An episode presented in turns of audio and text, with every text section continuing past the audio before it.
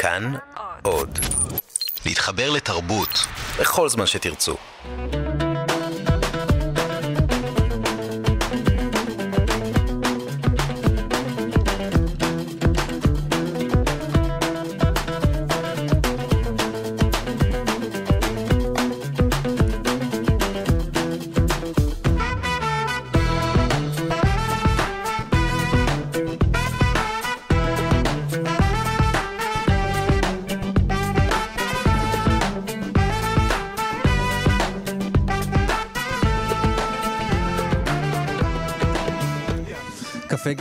גיברלטר, שישי שמח, אה, אני אופיר טובול ואתם אה, על כאן תרבות, 104.9, 105.3 FM וגם בערוץ אה, כאן 11 בטלוויזיה. שיר זיו עורכת, שיר אייזיק מפיקה ותמיר צוברי על הסאונד. היום בתוכנית תהיה איתנו בחלק המוזיקלי נועה בן שושן ולהקת מרקש אקספרס עם כמה ביצועים מיוחדים לקפה גיברלטר. תהיה כאן גם אה, האנתרופולוגית אה, פרופסור תמר אלאור, שהמחקר האחרון שלה עוסק אה, בישראליות דרך אחד המייצגים שלה, הסנדלים. חקרה סנדלים. כבר איתנו באולפן משה שריקי, מהארגון ממזרח שמש, מה נשמע משה?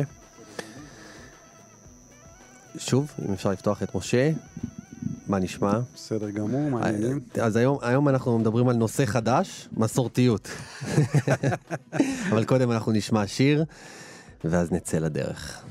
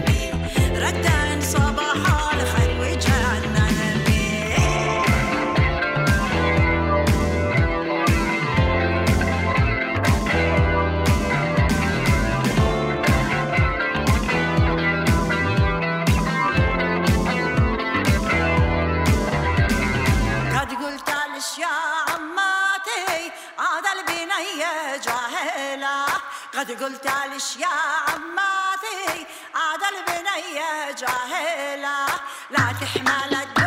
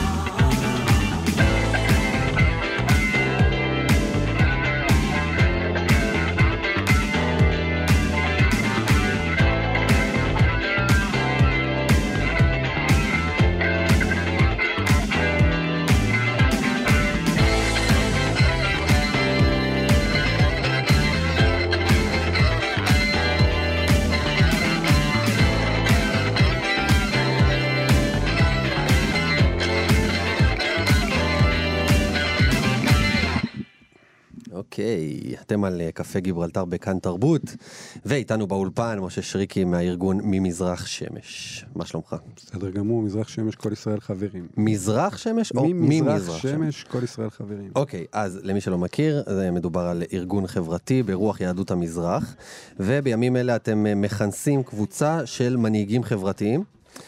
אנחנו מה המטרה? מחדשים תוכנית. מחדשים, תוכנית. שפעם uh, הייתה תוכנית הדגל שלנו ותחזור להיות גם היום. תוכנית של מה? שנקראת עמיתי צדק. המטרה היא להבנות מחדש שיח מנהיגותי, מסורתי, uh, ולעזור להרבה חבר'ה משלנו, כשאני אומר משלנו אני מתכוון לכלל uh, צבעי הקשת, אבל כן. חבר'ה שמעוניינים שהשיח המסורתי, שלדעתי הוא שיח שיש בו פוטנציאל מדהים ל... למנהיגות אה, חדשה בחברה הישראלית שיכולה לגשר על כל כך הרבה פערים שאנחנו רואים וחילוקי דעות. אה, ואנחנו בעצם מבקשים לקבץ קבוצה כזו של אה, חבר'ה צעירים שעשו משהו בחייהם ורוצים... כן. זו בעצם תוכנית לקדם, מנהיגות. לקדם את האג'נדה, כן, תוכנית מנהיגות.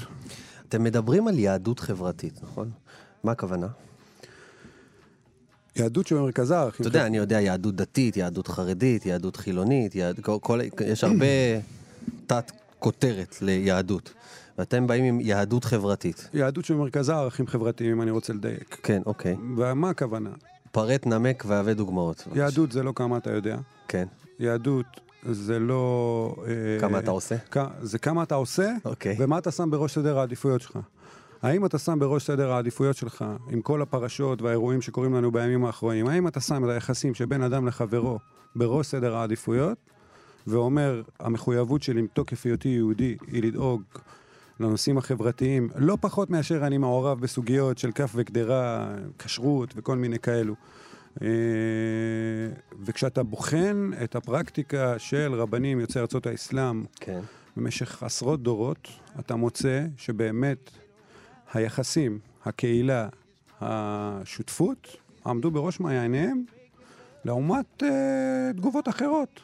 השיח שמתקיים בארץ היום, כן כשר, לא כשר, כן שבת, לא שבת, נושאים חשובים, אבל יש עניים בחוץ. מה אנחנו חושבים על זה? מה אנחנו אומרים על זה? מה אנחנו אומרים על זה כיהודים? יש אחרים בחוץ, שהם לא... אה, שהם זקוקים לנו לא פחות מאשר השאלות החשובות, האם תהיה תחבורה ציבורית בשבת או לא. כן. אתה אומר, היהדות, זאת אומרת, מי שמחזיק את דגל היהדות בישראל, מדגיש דווקא את הדברים האלה שמפרידים, ולאו דווקא שמחברים. תראה. כי אם אני מסתכל על השבת, על הכשרות, אה, על נושאי הצניעות, ניקח את שלושת אלה, על פי רוב, אלה דברים ש, שיוצרים הפרדה מובנית בין דתיים, חילונים וקבוצות אחרות. והיהדות אמורה להיות משהו ש, שמחבר אותנו, לא שמפריד בינינו, לקהילות ולקבוצות. תראה, רגע של היסטוריה. כן. אתה מרשה לי? יאללה. המפגש של היהדות עם המודרנה מייצר רעות חולות בקרב החברה היהודית בארצות המערב, שאנחנו מתמודדים איתן גם פה. המדינה הזו במידה רבה נבנתה על בסיס התפיסה הדיכוטומית של חילונים דתיים, כאילו שאין אופציות אחרות, mm-hmm. כאילו שאין זהויות אחרות. תחשוב, מסורתיים, איפה כן. אנחנו נספרים בכלל? וכשאתה הולך ובוחן את המפגש של היהדות עם המודרנה בארצות האסלאם, אתה מוצא פרקטיקה אחרת לגמרי. אתה מוצא שהמפגש הזה לא מוליד את אותם פיצולים, תתי זרמים, חלוקה חדשה לזרמים ביהדות. אתה מוצא רבנים שמצליחים במסגרת ההלכה, במסגרת החיים היהודיים, למצוא את שביל הזהב שמאפשר לכולם להישאר בפנים. אם אתה רוצה בכותרת למה זה יהדות שבמרכזה ערכים חברתיים, איך כן. אני שומר את כולם בפנים ולא מדיר. איך אני עושה את זה כולם. ואיך אני דואג, כולל כולם. כולל כולם. יש המון שאלות, יש הרבה מחירים לדבר הזה. יהיו הרבה הפסדים להרבה אנשים, אם אנחנו נבנה ביחד איזשהו טוב משותף. Mm-hmm. כל אחד יצטרך להתפשר על משהו. אני חושב שבתוך המסורתי, בזהות של המסורתי, תבואה אימננטית, התכונה הזו של להיות ביחד. שאיפה לאחדות. תראה, אני ראיתי לאחרונה סקר שבחן את השאלה עם מי הציבורים השונים בישראל מתחתנים. עם מי החילונים מתחתנים, עם מי החרדים. האם הם מתחתנים רק עם אנשים כמוהם, או שהם מעזים להתח... להתחתן גם עם אחרים, ומצאתי את הנתון הבא, קבל. אה, חמישה אחוז מהחרדים מתחתנים עם לא חרדים, כלומר רק חמישה אחוז מהחרדים מעזים להתחתן, גם כולל דתיים, כן? שבעה אחוז מהחילונים מתחת... מתחתנים עם לא חילונים, ותנחש כמה מהמסורתיים מתחתנים עם לא מסורתיים. נו, מעניין. 36 אחוזים. עכשיו תשמע, אני לא צריך את הסקר הזה, אני צריך רק להסתכל על השולחן בבית. כן. להסתכל על השולחן, את הסבתא שלי, זיכרונה לברכה, ולראות איך נראה השולחן. כלומר, גם בתוך המשפחה יש איזו הפגנת אחדות. יוסף חיים החרדי, והדודים האחרים שהם חילונים לחלוטין, והדודות המסורתיות, ואימא שלי שהיא לגמרי מסורתית. אתה חי בתוך המורכבות הזו, היא חלק בלתי נפרד מהחיים שלך, וכולם יושבים על השולחן. כן. וזה משהו שהוא פרקטיקה שאולי לא מנוסחת. לא מנוסחת, ואותה אנחנו רוצים לנסח במסגרת התוכנית הזו. להגיד, יש לנו אפשרות, גדלנו ככה, זה חלק בלתי נפרד מהאישיות שלנו. אפשר להביא את זה לכלל החברה הישראלית, זאת הבשורה. שאפשר לחיות ביחד על שולחן אחד. עכשיו, זה ברור שכולם יצטרכו לשלם מחיר. אתה רוצה לקחת את המודל של שולחן השבת של סבתא, ולהעתיק אותו לכל החברה הישראלית. נכון, לגמרי. מעניין. לגמרי. אתם מדברים, אבל ספציפית על מסורתיות מזרחית. לא, לא מה שנקרא התנועה המסורתית, הקונסרבטיבית, שמדברת על לקחת את ההלכה ולהתאים אותה ל- ל- להיום. איך זה, איך זה שונה? מה, קודם כל בוא נעשה את ההבחנה. מה המסר של המסורתיות כל, המזרחית אז ושונה? קודם כל בוא נעשה את ההבחנה הברורה. כן. הקונסרבטיביות צמחה כתוצאה מזה שלא קיבלו יהודים מזן מסוים או מסוג מסוים במסגרת האורתודוקסיה. המסורתיות המזרחית היא חלק מהמסגרת הכללית. היא לא צמחה כתוצאה... היא לא צמחה כתוצאת נגד או כתגובת נגד כן. לאורתודוקסיה. זה אחד. שתיים, בארץ עושים את הטעות הזו, קונסרבטיבים נקראים מסורתיים. פעם קראתי באיזשהו מקום שהשם הזה נלקח כי זה הדבר שהיה נראה להם לקונסרבטיבים הכי קרוב למה שהם באמת. יש שטענו שזה מניפולציה. יכול להיות. אני, בוא נניח שגם הקונסרבטיבים באו עם כוונות טובות, אוקיי? אבל לשאלתך לגבי המסורתיים, העובדה היא שהמסורתיות המזרחית הצליחה במקום שאחינו במקומות אחרים בעולם נכשלו. הצליחה במשימה, אני חושב, הכי חשובה, שכשהיהדות מאותגרת עם האתגר של המודרנה, היא מצליחה להשאיר אנשים בפנים. אתה יכול לראות פסקי הלכה מפה ועד להודעה חדשה של רבנים, שמה שעומד בראש מעייניהם זה היכולת הזו של לשמור את הקהילה בפנים. עכשיו, אני יכול להביא לך שלל דוגמאות, אני לא, כן. לא רוצה להיכנס לזה כרגע. אני רוצה אבל לשאול אותך שאלה אחרת. תראה, הייתה כאן לא מזמן אה, מיכל ברגמן, אוקיי. שכתבה את הטור על המסורתיות האשכנזית, והיא סיפרה את המשפחה אה, שלה, אה, את הסיפור של המשפחה המסורתית האשכנזית שלה, ככה לטענתה. ואתה יודע, לרג, לרגעים התיאורים שלה הזכירו לי באמת את סבתא. והשאלה אם אתה חושב שיש פה אפשרות שתצמח כאן מסורתיות אשכנזית, ש, ש, או, או, או, או שציבור... לא מזרחי, יזדהה עם הרעיונות האלה, אולי מה שנקרא דתייה הרצף, אני מחפש איזשהו חיבור. כי אם. אם המסר, אם המסר אה, אה, נשאר בגבולות הציבור המזרחי, הפסדנו. אז בואו, קודם כל, בואו נחזור רגע ממזרח שמש. כן. אוקיי? הרבה פעמים אומרים מזרח שמש ואנחנו מתקנים למי מזרח שמש. למה? ממזרח שמש עד כן. מבואו מעולל שם השם, יש לנו בשורה במזרח שאנחנו רוצים להביא אותה לכלל החברה הישראלית. זה אחד. שתיים, נוצרה מסורתיות אשכנזית, אהלן וסהלן. בפנים. כאילו, אין פה בכלל שאלה של הלעומתיות כן. הזו. אני לא נגד מישהו אחר. להפך, אני אומר, וואלה, כל מי שרוצה למצוא דרך למצוא, לחיות ביחד, תפאדל. עכשיו, אתה יודע, עשיתי באיזשהו מקום לפני כמה זמן, נתתי הרצאה על המסורתיות המזרחית, ואז באמת קמו כמה חבר'ה שמכנים עצמם מסורתיים, מזהים עצמם כמסורתיים אשכנזים, ונעלבו. למה אתה לא לוקח את ה... אני מדבר בשם מסורתיות מזרחית, יש מישהו שמדבר בשם מסורתיות אשכנזית, אהלן, יש לנו אפשרות למצוא חיבורים משותפים, עוד יותר טוב. יאללה, בואו רק נצמיח משהו שיכול כן. להראות שאפשר לעשות פה ביחד משהו משותף. אני חושב שההשפעה של המסורתיות המזרחית על החברה, זאת אומרת, אני חושב שהחברה הישראלית היום היא הרבה יותר מזרחית, היא הרבה יותר מסורתית, זאת אומרת, במאפיינים העמוקים שלה. אה, בהרבה דברים, ולכן באמת הבשורה, הבשורה שאתם מביאים היא, היא בשורה שהיא חוצת מגזרים, היא לא משהו שהוא נכון רק לאיזה מגזר אחד. נכון, והדבר הכי... אה, אה, היתרון הגדול זה בדיוק מה כן. שאתה אומר. בחלוקה הדיכוטומית, וזה אנחנו צריכים לזכור, בחלוקה הדיכוטומית שאנחנו רגילים לעשות ולתייג אנשים ולשייך אותם כל הזמן למחנות. כן. אנחנו נשארים, נשארים כל הזמן באותה, באותה בעיה, שאנחנו כל הזמן מרגישים צורך להכניס מישהו לקופסה. ואת המסורתי, קשה מאוד להכניס לקופסה. הוא יכול להיות מזוהה עם הערביות, הוא יכול להיות מזוהה עם הדתיות, הוא יכול להיות מזוהה עם החילוניות, יש בו מהכל, אוקיי? ויחד עם זאת הוא לא שוכח מאיפה הוא בא. זה אחד. שתיים, אני חושב שאם תשאל את רוב המסורתיים, המזרחיים אולי, אה, ויכול להיות שגם את האשכנזים, אני לא מספיק מכיר, מה מייחד אותם מלמעשה קבוצות אחרות? הרבה יגידו לך זה הנוכחות של אלוהים בחיים שלהם. יש אלוהים. אה,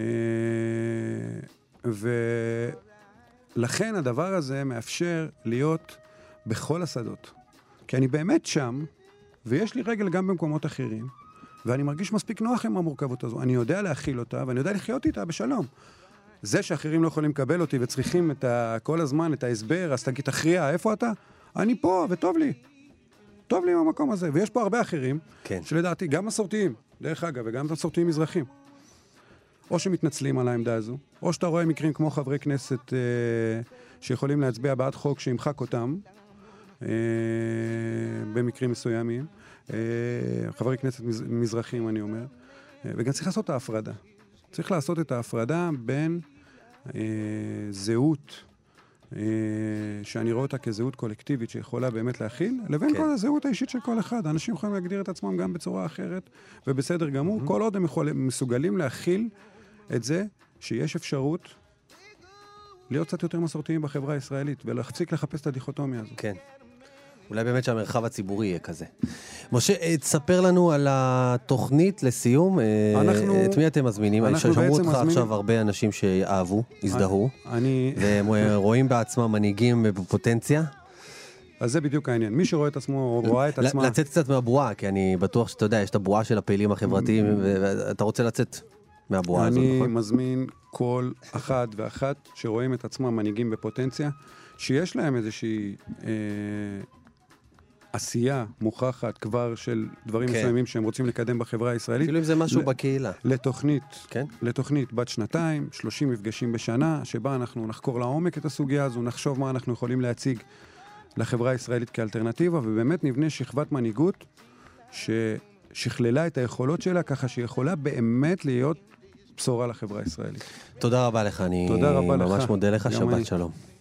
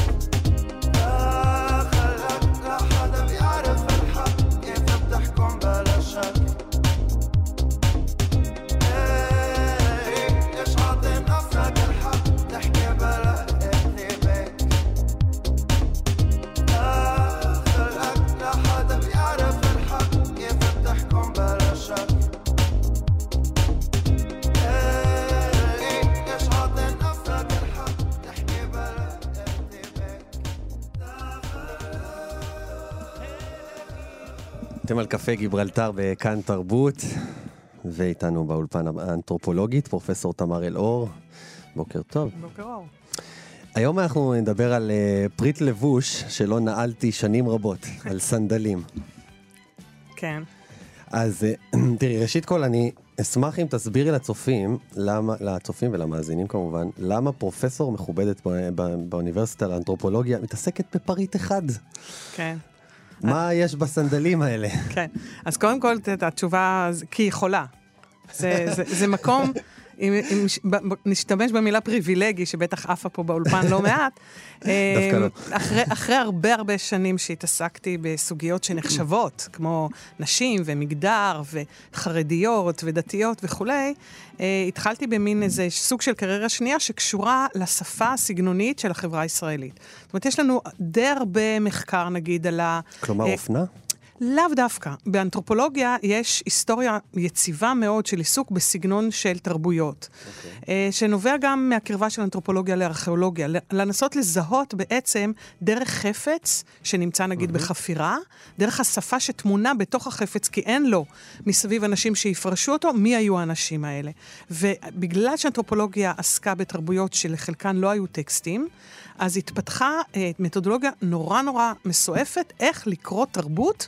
דרך חפצים. וזה בעצם מה שאני מנסה לעשות. זאת אומרת, לקחת חפץ דומם, דומיננטי, אולי אפילו קלישאה, כמו הסנדל התנ"כי, ולראות האם אני יכולה דרך הקריאה בסנדל הזה להגיע לתובנות תרבותיות שהן לא אוטומטיות. שהן לא מגיעות מהטקסט, מהמילה, מהתחביר, אלא הן באמת מהחומר, מהטכנולוגיה שלו, מהייצור שלו, מהשימוש בו.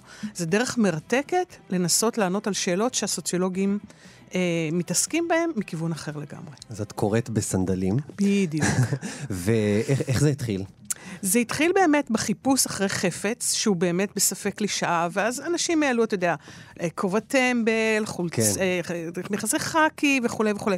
ואיכשהו נדמה היה לי, וכאן התיירים הם, הם עוזרים, מה התיירים רוצים לקחת איתם מישראל כחפץ כן. שהם רואים בו מקומי. מייצג את הישראליות נכון, ביניהם? ותיירים בשנות ה-60 וה-70 וה-80, וגם היום, אה, רוצים לקחת איתם Israeli sandals.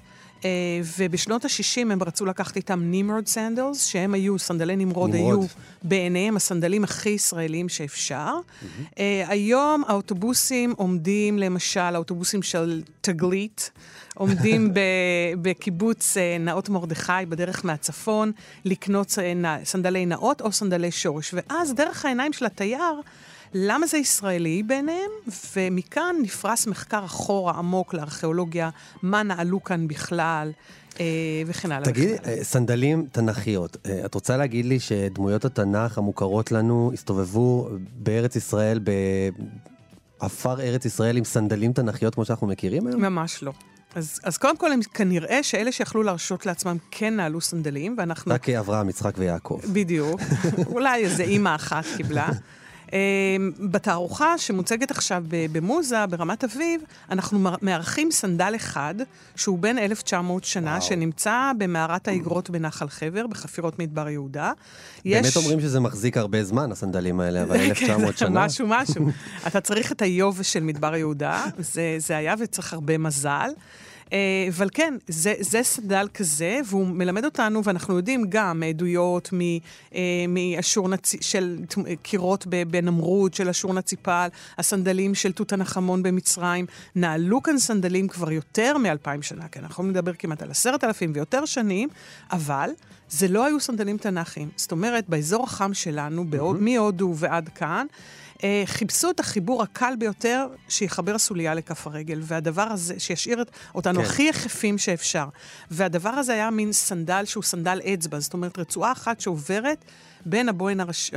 האגודה ליתר האצבעות, והיא אה, בעצם מחברת אותנו. המעבר לסנדל תנ"כי, שהוא שתי רצועות רוחב, כן. שגם אפשר את הדבר המגעיל של ללכת איתו עם גרביים. אז uh, זה קרה לא כאן. אסון אופנתי. זה קרה במרכז אירופה.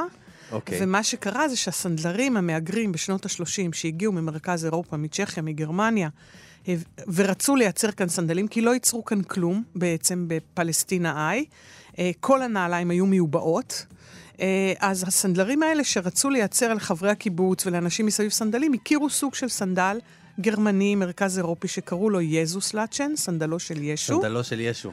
והוא היה סנדל שתי רצועות רוחב. זאת אומרת לי, את אומרת שבעצם הסנדל התנ"כי הוא בכלל הסנדל של ישו. לגמרי. בלבלת אותי. אבל אתה יודע, הוא בכל אופן היה משלנו, והוא הסתובב פה כן, אה? מזמן, וזה לא כל כך רחוק, אבל זה מראה לנו איך דמיינו בגרמניה כן. את מה שנעלו כאן, קראו לזה תנ"כי, ופה היה גאון. ממייסדי חברת נמרוד, ארצי, שהוא אמר, אוקיי, הוא מיתג את זה בתל אביב, את הסנדל הקיבוצי. הוא אמר, אוקיי, לקרוא לזה סנדלו של ישו זה לא, לא, לא רעיון לא גדול, אז הוא קרא לזה סנדל תנ"כי. וואו. כן, אז זה, אבל דרך הסנדלים, שהם סיפור מעניין, אנחנו מגיעים למייקרים, אנחנו מגיעים לאנשים שעבדו בידיים, אנחנו מגיעים למחויבות, למשל, אותו ארצי אמר, ההשפעה של חפירות מדבר יהודה על הציבור הישראלי הייתה אדירה. אה, זה היה מפעל צבאי, זה היה מפעל ציוני, זה היה מפעל חינוכי. אה, לקחו לשם מתנדבים, חיפשו עדויות בחומר שהיינו פה. להגיד, בבקשה, היינו כאן. הלכנו, חזרנו. והסנדלר, מהסנדלרייה שלו, בלי שאף אחד ביקש ממנו, בלי להיות חבר מפלגה, הוא הלך, ראה את הסנדל הזה שפורסם בעיתונות, וייצר רפליקה של הסנדל של, של מדבר יהודה שאנחנו מראים, ואנחנו מראים בתערוכה את הסנדל המקורי ואת הרפליקה שהוא ייצר, ומה שהוא כותב בקטלוג, שזה מדהים, הוא מספר את סיפור החפירה המדויק, אבל הוא מוסיף בנונשלנט. ואין על כן להתפלא שנערה ישראל, אישה ישראלית צעירה שערה לענייני אופנה, גם היא לובשת סנדל כזה, כאילו במקרה, אבל הוא ייצר רפליקה לסנדל הקדמוני הזה. אז, ה, אז המחקר והתערוכה מוליכים אותנו להמון המון סוגיות חברתיות, פוליטיות, כן. טכנולוגיות, מעבר לחפץ עצמו. את מגיעה במחקר למסקנה שיש שלושה מאפיינים לסגנון הישראלי, והם פשטות, תנועה ונוחות. נכון. זה מאוד מעניין. כן. וזה, וזה בעצם מיוצג על ידי הסנדלים. נכון, נכון. דרך הסנדלים, וזה קשור לסגנון הישראלי בכלל, לאופן שבו אנחנו מתלבשים, לאופן שבו אנחנו שמים על עצמנו את הבגד ונעים איתו ובתוכו. יש משהו שנשאר...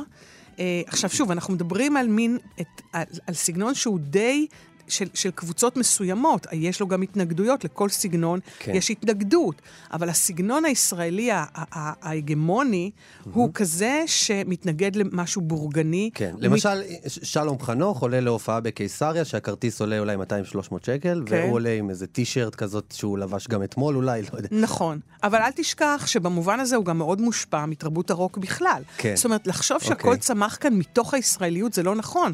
כי אם הסגנון. הישראלי התעצב בין 67 ל-73. אלה היו השנים, שש השנים שבין שתי המלחמות, שהסגנון הישראלי מאוד מאוד התלחם, כן. הולחם. ההשפעה העצומה הייתה של, של ההיפיז, של הפנייה להודו, של הדור, דור, דור, כן. דור הפרחים. ו- אני תופר ו- לעצמי את החולצה. וכן, עכשיו, תחשוב ששלום חנוך, הוא, הוא מסתכל מערבה גם, הוא לא כן. רק מסתכל מזרחה, אבל אנחנו מסתכלים גם מזרחה. ולכן יש כאן משהו שהוא מאוד, הוא צריך להיות רופף. כן. כמו שהסנדל אסור לו להיות מהודק לרגל, הוא צריך תמיד להיות, שתוכל לנער את הרגל בתוכו, להשיג את הרגל... כי אתה מתלכלך לה... מהעבודה הקשה. כן, להעיף את האבנים מבפנים. צריכים להעיף את. החול, כן. הוא לא יכול להיות משהו צמוד. וגם הבגד, מיד אנחנו צריכים קצת להוריד את, ה, את הטליה, את המורטן, אנחנו צריכים שזה יהיה אה, לוס. קרוע. Uh, אנחנו לא יכולים שמשהו יהיה מהודר, ולכן יש תנועות כן. הנגד, נגיד בשנות ה-70, הסגנון הפרחי, הסגנון של הדיסקוטקים, שאמר לא, אני כן מתגנדר, אני כן מתלבש יפה, אני כן צבעוני ולא חד צבאי, כן. הסגנון שהביאו העולים מברית המועצות, אה, סגנונות של התלבשות לאירועים, אה, כל הדברים האלה עובדים נגד הקו הזה של, של הרשלני, הפרטאצ'י. כן. אה, ו- אבל, אבל הקו ההגמוני הוא כזה. ציטוט מעניין של אה, בן גוריון, אני חושב, שאמר, שיעלה כמה שיעלה, העיקר שיראה פשוט. כן, והוא היה, דרך אגב, די פשוניסט. כן? הוא די כן, כן, וזה עוד דבר שאני מסתכלת עליו, אני משווה אותו עכשיו באיזה מחקרון לגנדי, כי הם שני גברים, הם היו אה, אבות האומה, כן. שעבדו עם הגוף שלהם ועם הלבוש שלהם ליצירת איזשהו מראה כלל הודי. או כלל ישראלי. הם ש- שתי דמויות מעניינות מאוד. מרתק. ת, תראי, אה, אמרתי לך קודם שלא נעלתי סנדלים אה, הרבה זמן, אבל הייתה תקופה. כן. של סנדלי שורש, ו... כן. זו הייתה תקופת ההשתכנזות המסיבית ביותר שלי. כן. אז אה, תראי, את יודעת, גדלתי... גר... אנחנו אוהבים אותך, אופי. כן, או, גרתי בקיבוץ, הלכתי עם סנדלי שורש, זה, זה דרך אה, די פשוטה להתקבל במקומות מסוימים. נכון. דרך אגב, משאירים לי אנשים פתקים בתערוכה, ואני אצטט פתק קטן. מישהי שכתבה לי, גדלתי באשדוד, הוריי עלו מלוב. העלית בי זיכרונות, הפעם הראשונה שהרגשתי שייכת הייתה כשההורים שלי קנו לי סנדלים תנ"כיים. בא לי לבכות. זה, זה גם מעציב קצת. מאוד, אני אומרת, בא לי לבכות. כן, זה היה לשים על הרגל משהו שאמר שאת שייכת. עכשיו, תחשוב שגם התל אביבים כן. שנמרוד עבדו בשבילם, העתיקו את המראה הקיבוצניקי. וגם הקיבוצניקים המציאו את עצמם כאיזה שהם בני מקום, כן. בהגיעם כמהגרים. זאת אומרת, אף אחד כאן, קשה לדבר על מקור. כלומר, כולם איפשהו מחפשים... כולם וונאבי משהו. כולם מחפשים את המקום הנוח שלו בתוך, שלהם בתוך המרחב הזה, וצריך לזכור שהערבים, שכל כך נוח לנו להגיד, אה, לקחנו את זה מהערבים, הערבים לא הולכים בסנדלים. בחיים. לא הלכו בסנדלים, ולא... עכשיו הם ערבים ישראלים, כן, כן, הגברים בהחלט הולכים עם סנדלים, ויש לנו בתערוכה למשל תמונה מדהימה של בדואי מההר הגבוה בסיני עם סנדלי שורש. מי כמוהו צריך את זה. uh, יושב בישיבת קריאה טיפוסית עם סיגריה ביד ועם, uh, ועם סנדלי שורש, ו- ואנחנו מבינים בעצם שהדבר שה- הזה הוא דבר נוסע, הוא דבר דינמי. כן, אין, אין איזה שייכות אותנטית או, או כן, משמעותית. זה מאוד מעניין סנדלי שורש. סנדלי שורש בעצם לקחו את הסנדל התנ"כי. תנ"כי. הוסיפו לו איזושהי מין טכנולוגיה... לגמרי. שנות ה-90 כזה? לגמרי. לגמרי, והמייסד, יוקי גיל, באמת עוטף את כל היצירה הזאת בדבר הזה של נוודות, כי לשורש כן. קוראים וגבון סיסטם, ערכות נוודים. כן, זה משהו כזה של גלובלי, של המינימום שאדם צריך כדי לנוע במרחב. אה, עם סקנד סקין כזה, עם הכי מעט על האור שלך, כדי שתרגישי שאת טבעית, כדי שתרגישי שאת חלק מהסביבה שלך. אני מאוד מאוד מודה לך, זה מרתק, ויש עכשיו אה, בעצם...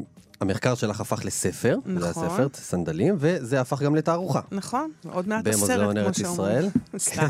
ההצגה. ההצגה והסדרה. פרופסור תמר אלאור, תודה רבה. תודה לכם.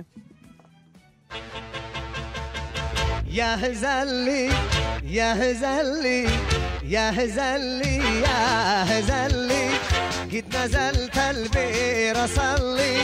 يا هزلي يا هزلي قد نزلت البير أصلي. قد نزلت البير أصلي قد نزلت البير أصلي. يا هزلي.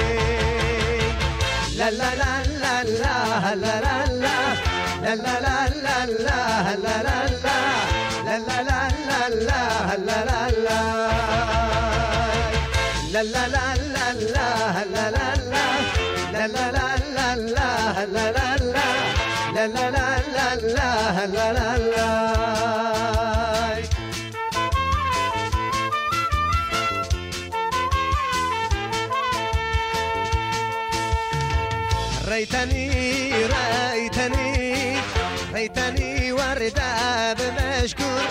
ريتني ريتني ريتني وردة بمشكور ساكنة فوق الخدود ساكنة فوق الخدود ريتني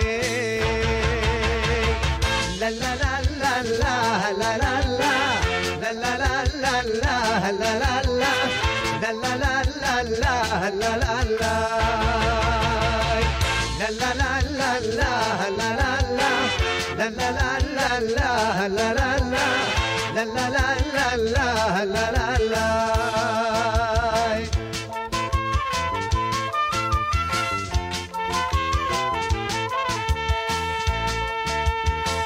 يا بنات يا بنات يا بنات صنعاء المدينة يا بنات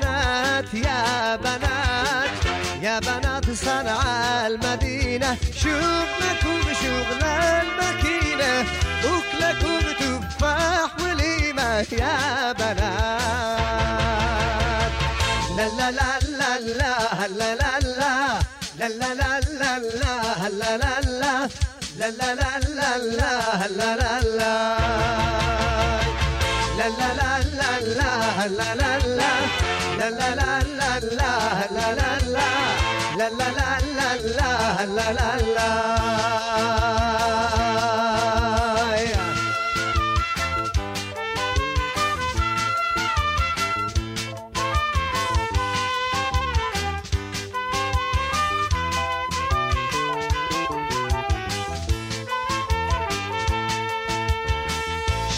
قلبي شوقي قلبي حين اقوم ادعي لربي.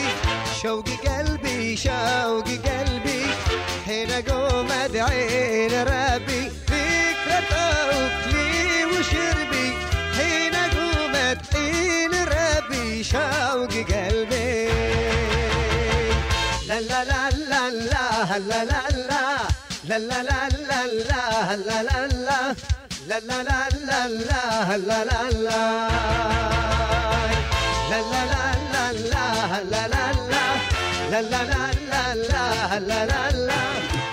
ציון גולן הופיע בשבוע שעבר בחתונה של נכד נשיא תימן בירדן, ושר את השיר הזה.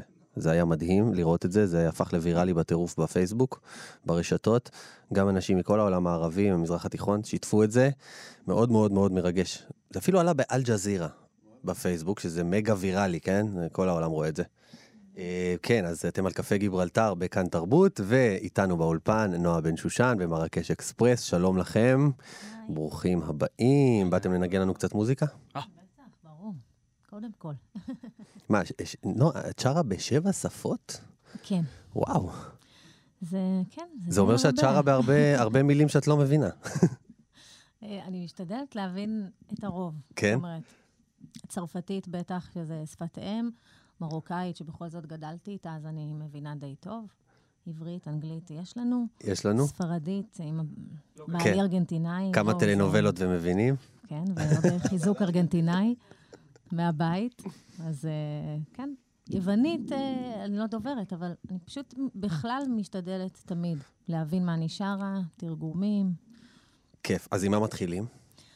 אז אה, מתחילים עם הבית, עם מרוקו, עם יבנט בלדי. Jäällä.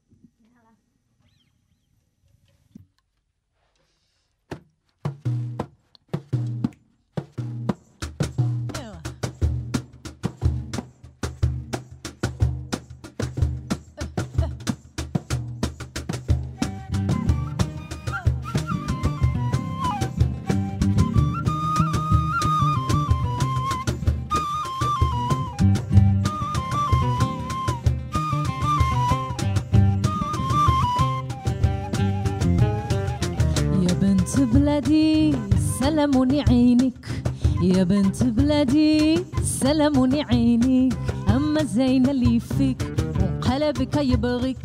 أما زين اللي فيك أيوة قلبك يبغيك. أي أي أي بنت بلادي.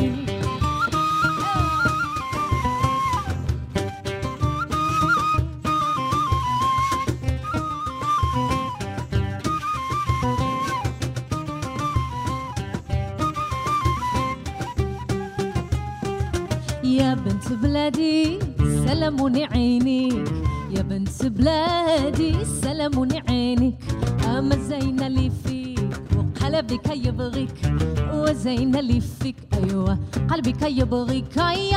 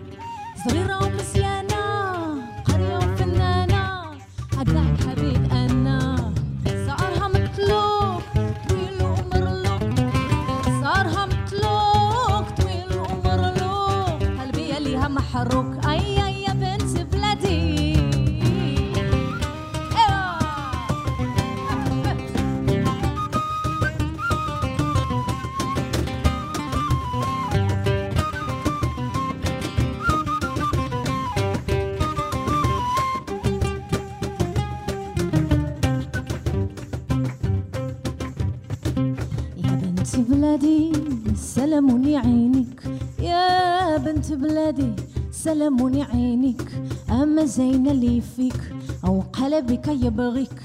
وزين اللي فيك أيوة قلبك يبغيك. أي أي أي بنت بلادي.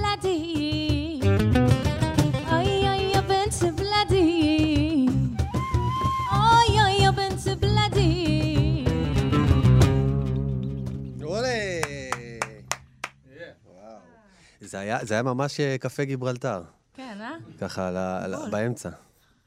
באמצע, מרוקו וספרד, תענוג. תמיד זה כיף. והשיר הבא שאת תנגני לנו הוא האחת שלי, נכון. בגרסה שלך, ש... הצרפתית, אה, שלא ציפית. שזה יהיה כל כך.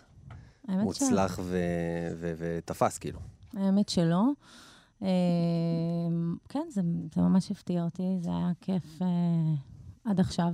כי באמת כל הופעה, אין הופעה בלי השיר הזה. היחידה שצפתה את זה זה אימא שלי, שהיא מההתחלה אמרה... שהיא "זה- כתבה, נכון? אני אתרגם לך את השיר לצרפתית, וזה יהיה להיט. גם בחורזים. לא, כאילו, הרבה פעמים, זה היה הטיפ שהיא נתנה לך, בדרך כלל את כזה, טוב, טוב. אמא, בסדר, בסדר, עוד מעט, תגידי לי גם לפתוח עמוד באינטרנט. ברור, ברור. זה כל העצות שההורים נותנים, ולפעמים הם קולעים בול. כן. בסוף הם תמיד צודקים, זה מדהים. תגידי, ישי לוי שמע את השיר? הוא לא רק שמע, הוא גם אה, הזמין אותי לשיר אה, באמת? איתו דואט. וואו, איזה זכות. לפני שנתיים עשינו איזה דואט יחד בפסטיבל תור הזהב, וזה היה מדהים. רגע מדהים, לגמרי. יאללה, בואו נשמע את זה. יאללה. עידן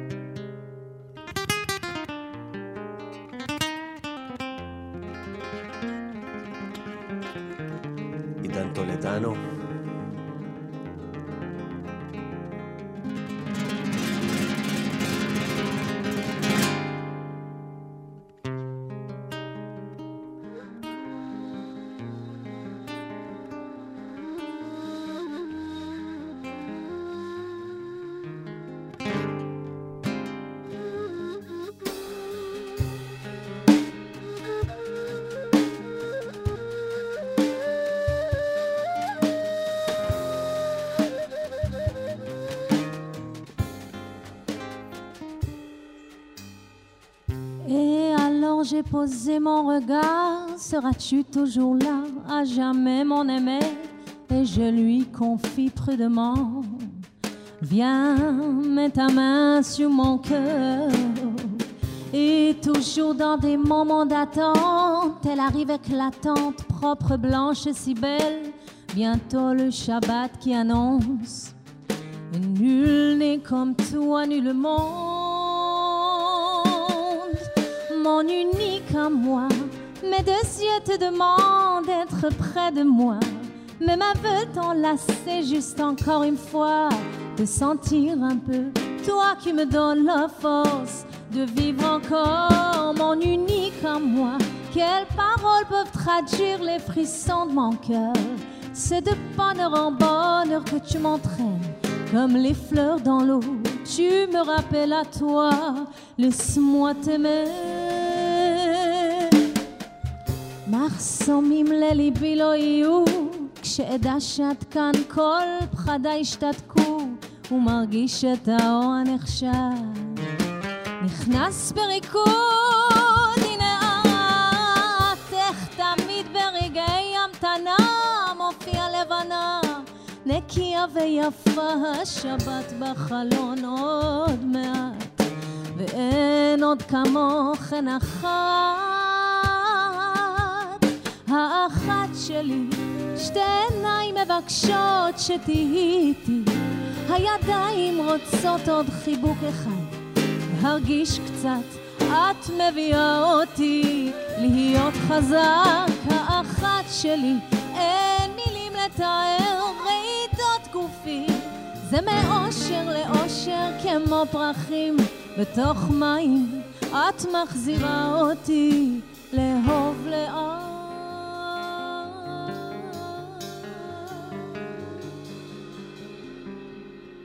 Mon unique à moi, mes deux yeux te demandent d'être près de moi. Même aveugle t'enlacer juste encore une fois, de sentir un peu, toi qui me donnes la force de vivre encore.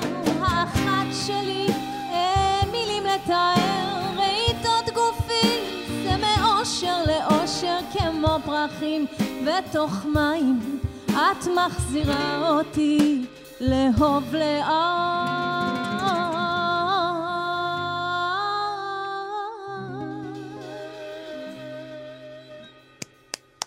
איזה שיר מדהים. נועה בן שושן כאן, מרקש אקספרס, ובוא נגיד אה, קרדיט לנגנים שלך, נירי שדה. בטח, ללהקה המדהימה הזאת, כן. נירי שדה, על הנאי. חליל, וטל כהן על התופים. אה, וט"ו באב היום, את יודעת. היום? היום ט"ו? באב, אז צריך הנה. להביא פרחים הביתה, משהו. כן, והם צריכים לחכות. זה מאוד מאוד מתאים. טוב, אני אש- אני אשאיר לה את האחת שלי או משהו. ואוקיי, אז השיר האחרון שאת אה, תבצעי לנו הוא בשפה שנקראת, חכתיה. שזה? חכתיה זה הניב של הלדינו שדיברו במרוקו הספרדית. אוקיי. אז אה, החיבור אה, שלנו הוא באמת, בגלל שמרקש מרקש אקספרס זה oriental groove, ים תיכוני, אבל זה בא קודם כל עם ההשפעות האנדלוסיות והמרוקאיות, משם התחלנו. אה, והשנה העלינו גם מופע שהוא מתמקד בשירת הלדינו והחכתיה. מעניין. אז זה מרוקו, זה כן. ספרד, זה האזור הזה של גם ים תיכון באמצע. לגמרי, זה כל זה ה- ההשפעות. זה זה ה- ה vibe של ההרכב הזה, נכון, אם אני מבין נכון. אה, נכון. ובקרוב עוד הופעה, נכון? נכון. ב-16 באוגוסט, במוזיאון האסלאם בירושלים, יש שם אה, מופע מיוחד לתערוכת החמסות שנקרא בלחמסה עליכום. יפה מאוד. טוב, אנחנו צריכים להגיד כמה תודות כדי שנוכל להיפרד עם הצלילים שלכם. אז תודה לשיר זיו העורכת ולשיר אייזק אה, שהפיקה. תודה לתמיר צוברי על הסאונד. תודה למשה שריקי ולפרופסור תמר אלאור שהתארחו כאן. אני אופיר טובול, אתם תהיו כאן, אה, אנחנו נהיה כאן גם בשבוע הבא, בשישי ב-10 בבוקר עם קפה גיברלטר, ואתם תוכלו אה, לצפות. ולהאזין לתוכניות שלנו אה, ביישומון כאן אודי, או באתר של כאן, וגם יש אה, שידור חוזר בשני בשש. כאן תרבות, 104.9, אה, וגם בשבוע הבא אנחנו ניפגש כאן. שבת שלום, ונסיים עם נועה, נועה בן שושן, שיר בחכתיה, מרקש אקספרס. במרקש אקספרס. אורייט.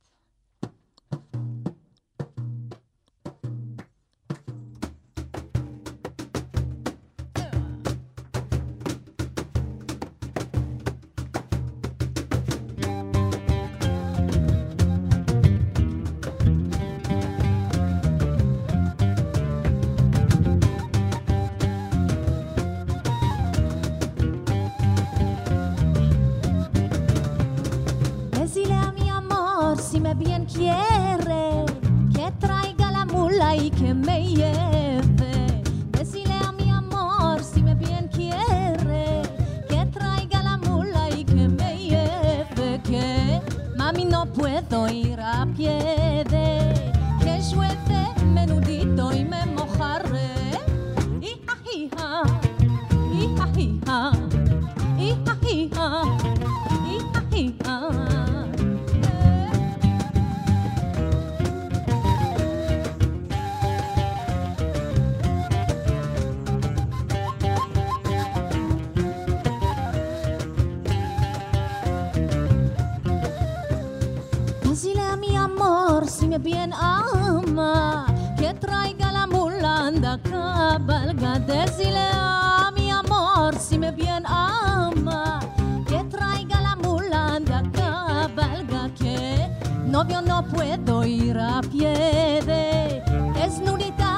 Por la nieve.